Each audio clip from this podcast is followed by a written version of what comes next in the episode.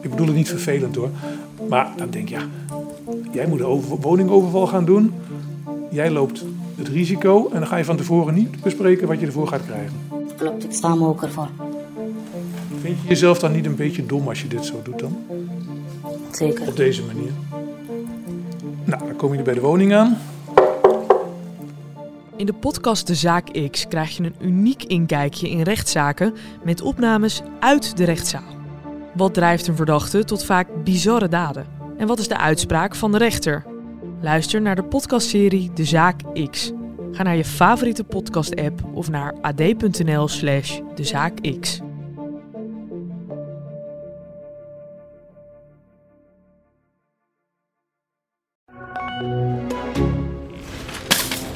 ons thuis hebben we een bijnaam voor de Albert Heijn.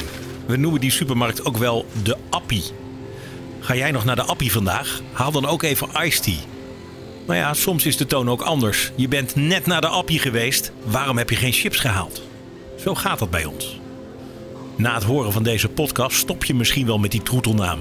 De Appie doet namelijk heel erg denken aan een zekere Appie. En Appie is verantwoordelijk voor de meest gewelddadige overval op een supermarkt in de Nederlandse geschiedenis. Mensen zijn in koele bloeden vermoord, daar lijkt het op. De agenten troffen eigenlijk een afschuwelijke toestand aan. En die toestand die, uh, heeft ze echt uh, aangegrepen en is niet in hun koude kleren gaan zitten, hoewel ze nog professionele krachten zijn. Dit is Appie, een podcast van Mark Adriani voor de Gelderlander, het AD en de overige aangesloten regionale dagbladen. In deze podcast vertel ik over de meest brute en bloedige supermarktenoverval die ooit in Nederland is gepleegd. Een verhaal over een moord. Zelfs een dubbele moord. En dat is nog niet alles. Na twee dodelijke schoten is er nog twee keer geschoten. Dat vertel ik zo. Oh ja, wat je ook even moet weten: deze podcast is er niet om de dader op te sporen. We weten wie het is. Dat is dus Appie A. Appie zit veilig achter slot en grendel. Tenminste, nog wel, maar daarover later meer. Dit is aflevering 1. De overval.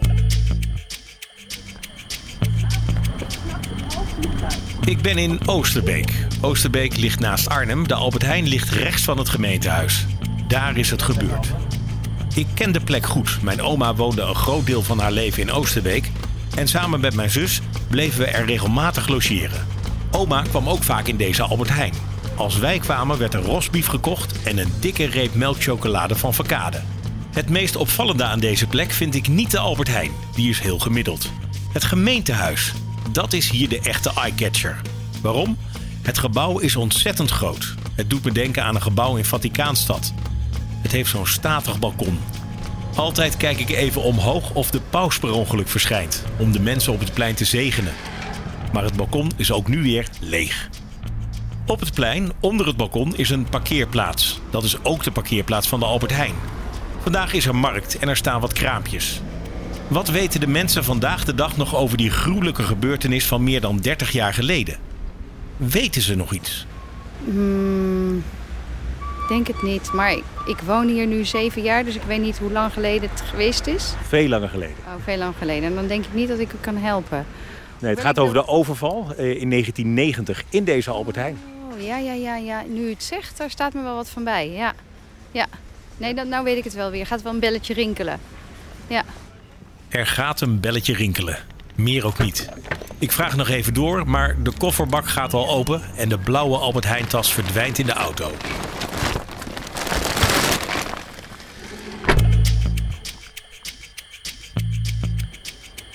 Mevrouw, korte vraag. Uh, mei 1990, zegt u dat wat? Nee, überhaupt niet. Dat is lang geleden, hè? Heel lang geleden voor mij. Ja, echt waar. Maar als ik zeg overval Albert Heijn? Oh ja, toch. Ja.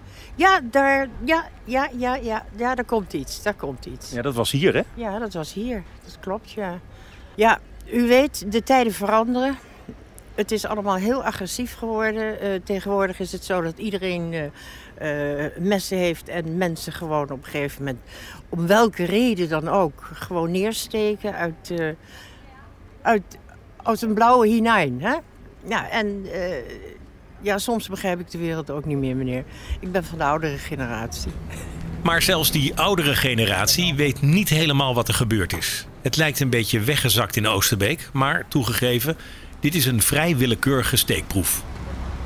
En als je het winkelend publiek een handje helpt, dat heet geloof ik een geholpen antwoord, dan is dit meestal de reactie. Oh, de overval. Ja, op Albert Heijn inderdaad. Ja, dat klopt ja. Ja, dat was toen heel eh, angstig, ja. Wat kunt u zich nog herinneren van die dag? Nou, bijna alles.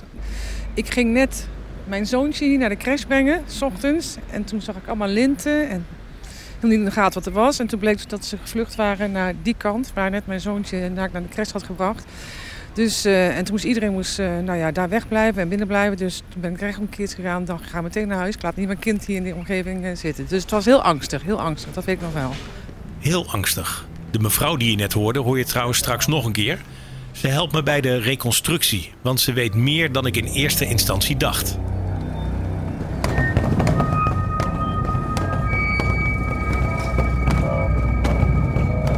Het is 14 mei 1990. Het is nog vroeg, rond 7 uur. Drie mannelijke medewerkers zijn druk bezig in het magazijn van Albert Heijn. Ik noem meteen hun namen. Het zijn Rob, René en Johan. Rob is 24, René 34 en Johan is 23 jaar. Twee anderen zijn op dat moment op de vleeswarenafdeling om de boel aan te vullen. Dat zijn de twee vrouwelijke medewerkers. Hun namen, een van hen heet in ieder geval Bianca en de andere naam kan ik niet achterhalen. Op zich heeft het personeel alle tijd, want pas om 1 uur s middags gaat de winkel open. En dan, buiten stopt een gele Volkswagen Golf. Het oude model. Twee mannen stappen uit. Wat er dan gebeurt, horen we s'avonds al in het NOS-journaal. De overvallers kwamen iets na 7 uur via de achteringang de winkel binnen. Op dat moment waren zes personeelsleden aanwezig. Twee overvallers zijn via een deur aan de achterkant bij het magazijn naar binnen gelopen. Alle twee met wapen. De ene een zogeheten riot gun. Qua uiterlijk lijkt het op een jachtgeweer, maar dan met een korte loop. De ander met een handwapen. Het programma Opsporing Verzocht weet te vertellen wat er binnen gebeurt. Het eerst werd een winkelmeisje op de vleeswarenafdeling met de overvallers geconfronteerd. Ze moest onder bedreiging met een vuurwapen op de grond gaan liggen. De tweede medewerkster zag een overvaller in een gangpad lopen en liep via het magazijn naar buiten. Daarna werden de drie mannen in een hoek bij elkaar gedreven. De drie mannen werden dus bij elkaar gedreven. Ze werden gedwongen vanuit het magazijn mee te komen naar de winkel. Een van de vrouwelijke medewerkers liep juist vanuit de winkel richting het magazijn. De andere vrouw kreeg de opdracht om op de grond te gaan liggen. Maar dat was bij de vleeswarenafdeling, dus niet in de buurt van de jongens. Dat zijn dus drie mannen en twee vrouwen, dat zijn er vijf. Terwijl je net in het NOS-journaal hoorde dat er zes medewerkers betrokken waren. Hier begint direct al wat onduidelijkheid. Zijn er nou vijf of zes medewerkers binnen? Hoe dat zit, zoek ik later uit. De mevrouw die ik net buiten op het plein voor de Albert Heijn sprak, weet gelukkig meer. Ze kent de vrouw die tijdens de overval naar het magazijn liep. Ja, dat was Bianca. En uh, Bianca die, uh, die kwam binnen en uh, zij kwam dus in het magazijn binnen en liep de winkel in. En toen hoorde zij iemand roepen, kom met die sleutels. Zij dacht dat een van haar medewerkers dat was, had ik zo begrepen van haar. En riep toen terug van, die heb ik toch helemaal niet. En dat weet je. En toen is ze teruggelopen het magazijn in. En toen werd het geschoten in de winkel. En toen is ze gaan stoppen. En dat bleek dus dat ze door eindelijk een beetje onbenullig antwoord gaf. Eindelijk haar eigen leven heeft gered. Ze had helemaal niet door wat er aan de hand was? Ze had totaal niet door wat er aan de hand was. Heb ik toen van haar begrepen zo, ja. ja. Bianca. En Bianca reageerde wat laconiek op de overvallers. Achteraf levensgevaarlijk, maar kennelijk zo overtuigend dat de overvallers doorhadden dat er echt geen mogelijkheid was om de kluis in te komen. Maar we weten meer. Zo weten we ook hoe de overvallers eruit zagen. Ze droegen bivakmutsen, hadden regenpakken aan, lichtblauw en donkerblauw. En een van de twee mannen had duidelijk de leiding. De ander zei niet zoveel. Deze leider moet haast wel Appie A zijn. Deze man was ongeveer even oud als de ander, ook tussen de 20 en de 30 jaar, ook blank. En hij had vrijwel dezelfde lengte, 1,70 à 1,80. Hij was wat slanker dan de eerste en hij had dus een uh, normaal postuur.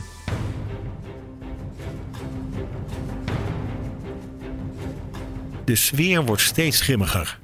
De overvallers riepen voortdurend dat ze de sleutel van de kluis wilden. De twee gemaskerde mannen eisten de sleutel van de kluis. Maar die konden de mensen niet geven.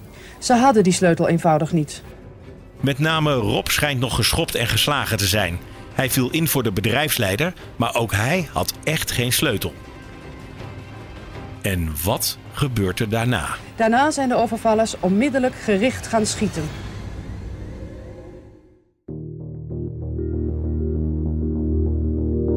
Van dichtbij door het hoofd. Rob en René komen direct om het leven. Appie zat nog midden in zijn woedeaanval.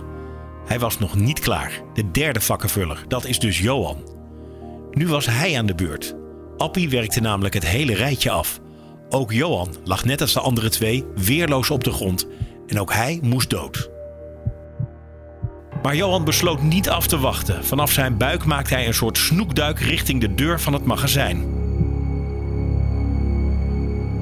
De woedende overvaller pikte dat niet en richt zijn riotkunde op Johan, die op dat moment zo'n beetje op de grond bij de deur belandde.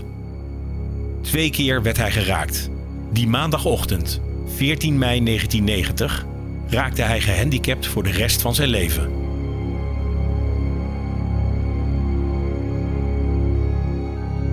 Het moet nog half acht worden en als we de balans opmaken is de schok groot. Rob en René zijn dood. 4, 13 over. Johan, de derde vakkenvuller, ligt zwaar gewond op de grond. Een minuut of tien duurde de overval. Wat is nou tien minuten? Dat zijn drie liedjes op de radio. Maar deze tien minuten veranderden het leven van heel wat gezinnen.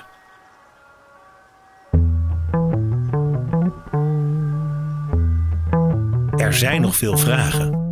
Waar waren de vrouwen die aan het werk waren? Waren dat er trouwens twee of drie? En waarom kreeg juist Rob de klappen? Was er nog een directe aanleiding waardoor de overvaller begon te schieten? Wat werd er gezegd? Waarom is Appie niet achter Johan aangegaan om zeker te weten dat ook hij dood was? Was Johan nog bij bewustzijn toen de overvallers wegreden? Maar vooral, hoe heeft Johan dit overleefd? Hoe wist hij te ontkomen? En hoe is het nu met hem? Er is maar één iemand die alles van dichtbij zag en meemaakte en antwoord heeft op al die vragen. Dat is natuurlijk Johan zelf. Hem wil ik spreken. Maar helaas, hij wil niet. Hij heeft nooit journalisten gesproken. Toch geef ik niet op. Mijn doel is om Johan zelf dit verhaal te laten vertellen. De zus van Johan heet Caro. Zij wil wel meewerken aan deze podcast. Ze is zelfverzekerd, opgewekt, zo'n iemand die van aanpakken weet. Ik tref haar in Oosterbeek. We zijn op de hoek bij de Albert Heijn, vlak bij de achteringang. Oké, we lopen even eh, aan de zijkant van de Albert Heijn. Hier uh, naast zit een kinderdagverblijf. Ik hoor wat spelende kinderen, hoor je die ook? Ja, die hoor ik zeker. Ja, nou, toch eens even naar de plek waar de overvallers naar binnen zijn. Dit is, de, dit is de achteringang. Hier, het is laden en lossen. Hier komen de vrachtwagens altijd. Ja, hier zien we zo'n zo'n roldeur, die, uh, die kan omhoog. Ja. En die, die was er toen ook al in uh, 1990? Die was er toen ook al, ja. Volgens mij wel. Het is wel even 32 jaar geleden, maar volgens mij was die er gewoon. Dus hier kwamen ook de vrachtwagens en hier stond dus waarschijnlijk ook die bewuste gele Volkswagen Golf uh, waar de mannen uitstapten. Ja, dat denk ik van wel. Caro kent de Albert Heijn goed van binnen. Ze werkte namelijk zelf. Ja, dat hoor je goed. Ze werkt in de vestiging van Albert Heijn, waar haar broer 32 jaar geleden beschoten werd. En het gebeurde allemaal achter die deur. Dat denk ik als ik samen met haar langs de achterkant van het pand loop. Hier binnen is de opslag en als je dan naar binnen komt, dan heb je een uh, trap aan de linkerkant. En daar ligt een plateau op en daar heeft mijn broer gelegen. Ja, want ik begreep dat hij uh, op het moment dat er geschoten werd, werd uh, wegrende. Ja, dat was zijn laatste redding. Hij moest wel. Want hij was de laatste van de drie. En hij denkt nu of nooit en hij is gaan rennen. Toen hebben ze hem onderweg wel in de rug geschoten en in zijn arm. Hij is twee keer beschoten? Ja, zeker. En dat is ook allemaal ontploft, dus het was echt heel erg ernstig. En, en toen is hij op die trap terechtgekomen op een of andere manier. Door de klapdeuren heen. Nou heb ik via jou Johan gevraagd om mee te werken ook aan deze podcast. Want ja, hij was als een van de weinigen bij de overval aanwezig. Maar hij wil niet. Kun je aangeven waarom niet? Omdat het uh, zoveel ellende en emoties oproept. Hij kan het gewoon uh, geestelijk nog steeds niet aan. Ja, dan, dan gaat de roldeur open. Ja, nu, nu kunnen we er binnen kijken. Ja, we, we, we mogen van Albert Heijn niet, uh, geen binnenopnames maken. Nee. nee, dat mag absoluut niet. Alles is altijd stilgebleven. En dat blijft Johan dus ook. Al vraag ik Caro om haar broer Johan nogmaals te vragen. Wie weet wil hij toch nog zijn verhaal doen. Het is trouwens sowieso opvallend dat in de archieven geen enkel interview met Johan is te vinden, maar ook niet met zijn familie. Ja, dat was heel bewust, want in het begin kregen we gelijk namelijk al een journalist aan de deur. En die feliciteerde mijn vader met van gefeliciteerd, uw zoon leeft nog. Terwijl hij er echt heel erg slecht aan toe was. En we werden continu gebeld, maar je bent zo aan het overleven, dat wil je dan gewoon niet. Dat kan, dat kan je ook niet. Je weet ook niet waar je goed aan doet. Dus, dus dat. Ja, maar nu zijn we ruim 30 jaar later. Ja. Je staat nu toch met mij te praten. Ja, en dat wil ik ook graag om te laten weten wat voor impact een uh, overval op je leven hebt en op je hele familie. En dat het altijd blijft. En iedereen kan zeggen, het duurt, het is al 32 jaar geleden, dus laat maar. Maar dat is niet zo. Het, elk jaar komt het weer. Het is nooit vergeten, maar je vergeet het echt niet. Zou Johans leven heel anders zijn als dit niet was gebeurd? Ja, totaal. Want die wou graag vrachtwagenchauffeur worden. Die was er eigenlijk al een beetje mee bezig. Maar ja, dat, dat kon hij niet meer. Want hij kan geen normale auto meer rijden. Alleen maar een automaat. En dat andere leven van Johan begon op die maandag in 1990. Ze weet nog heel goed toen zij het hoorde. Plotseling stonden er namelijk politieagenten voor haar deur. Ja, je schrikt heel erg en je denkt dat je in een of andere film bent beland. Maar ik had een kindje van 15 maanden en dat was het eerste wat ik pakte. Uh, die heb ik aan mijn schoonzus meegegeven, die ook gelijk voor de deur stond. En ik ben met de politie meegegaan. Hier naartoe? Nee, naar mijn ouderlijk huis, dat is hier vlakbij. Naar mijn ouders, die ook gebeld waren inmiddels. En wat gebeurde daar? Ja, daar was gewoon grote paniek. Het hele huis zat vol. Het was eigenlijk een heel klein huisje, maar het was heel vol. En uh, ja, we kregen te horen dat hij gewoon uh, gewond was en niet wist of hij het zou overleven. Maar goed, toen moesten wij ook direct naar het ziekenhuis.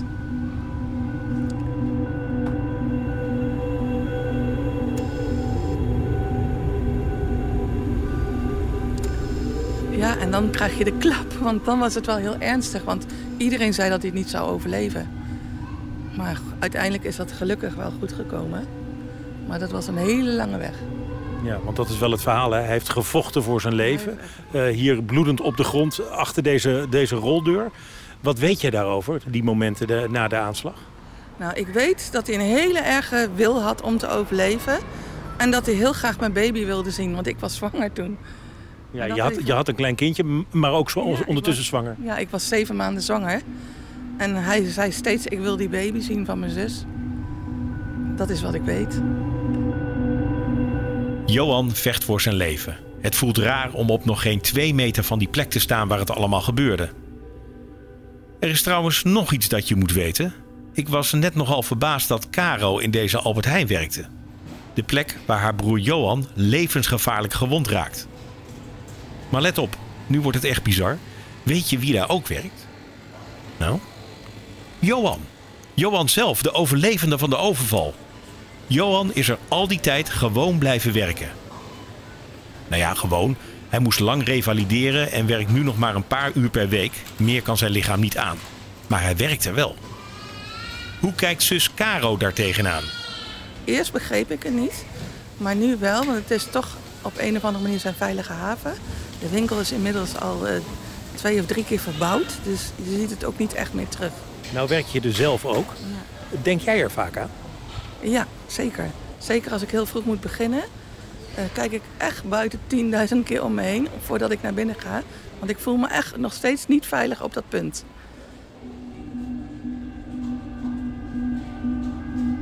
Meteen na het vertrek van de overvallers werd de politie gealarmeerd. Het kostte me even wat zoekwerk, maar uiteindelijk vond ik de toenmalige leider van het rechercheteam.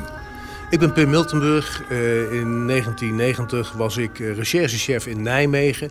En ik werd uh, op 14 mei opgeroepen om het onderzoek naar deze brute overval op Albert Heijn te gaan onderzoeken. Pim ontmoet ik op de politieacademie in Apeldoorn. Daar is hij tijdelijk directeur. Eigenlijk was hij met pensioen, maar tegenwoordig trekt hij toch nog iedere dag zijn politieuniform weer aan. Op het eerste gezicht lijkt Pim wat streng, maar misschien komt dat door zijn hagelwitte overhemd met allerlei politie-emblemen. Eerlijk gezegd had ik niet verwacht dat de grote baas van destijds zou willen meewerken aan deze podcast. Het is lang geleden en zo heel goed verliep dat onderzoek nou ook weer niet. Dat vertel ik later. Eerst neemt Pim je mee naar de 14e mei 1990. Ja, toen ik daar kwam uh, in de vroege ochtend uh, in Oosterbeek, het was onbeschrijfelijk. Ik vond het echt heel, heel schokkend. Ik heb het beeld uh, nog steeds op mijn netvlies. Want het is, je moet je voorstellen als iemand echt zo frontaal wordt neergeschoten met de patronen die gebruikt zijn.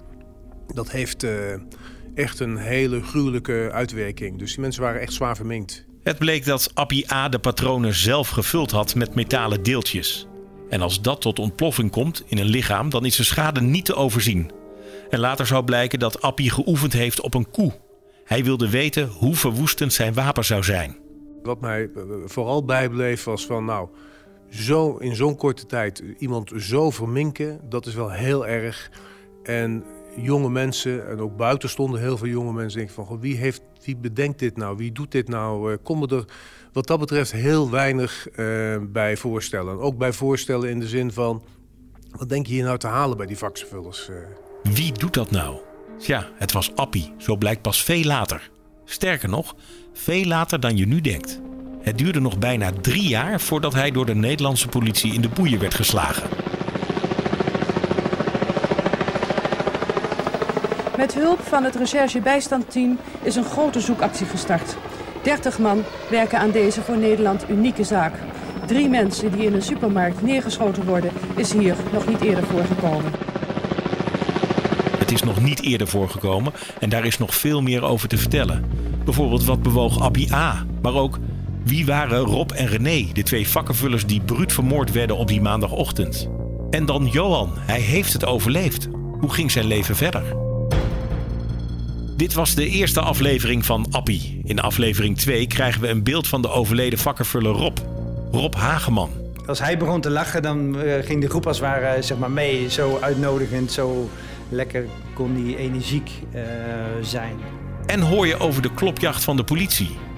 De politie kreeg opvallend veel hulp. Als je zoveel informatie krijgt, is het een van de belangrijkste taken binnen het team om de tips aanwijzingen op waarde te schatten en te denken van wat gaan we eerst doen en wat leggen we nog even terzijde.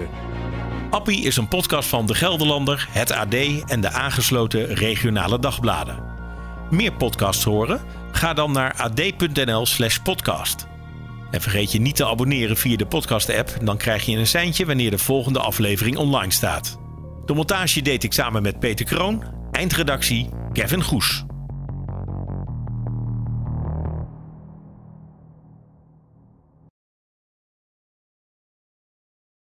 In 1986 wordt er een moord gepleegd. Het is een moord in huiselijke kring, ergens in een buitenwijk van Stockholm. Het slachtoffer is een 30-jarige vrouw. De dader, haar stiefzoon Samir Sabri. En vrijwel gelijk als de politie ter plaatse is, bekent hij haar vermoord te hebben. Op basis van die bekentenis en ander bewijsmateriaal wordt hij veroordeeld tot een lange gevangenisstraf. Alleen kort daarna beweert hij onschuldig te zijn. Terecht of niet? Je hoort het in de stiefmoedermoord.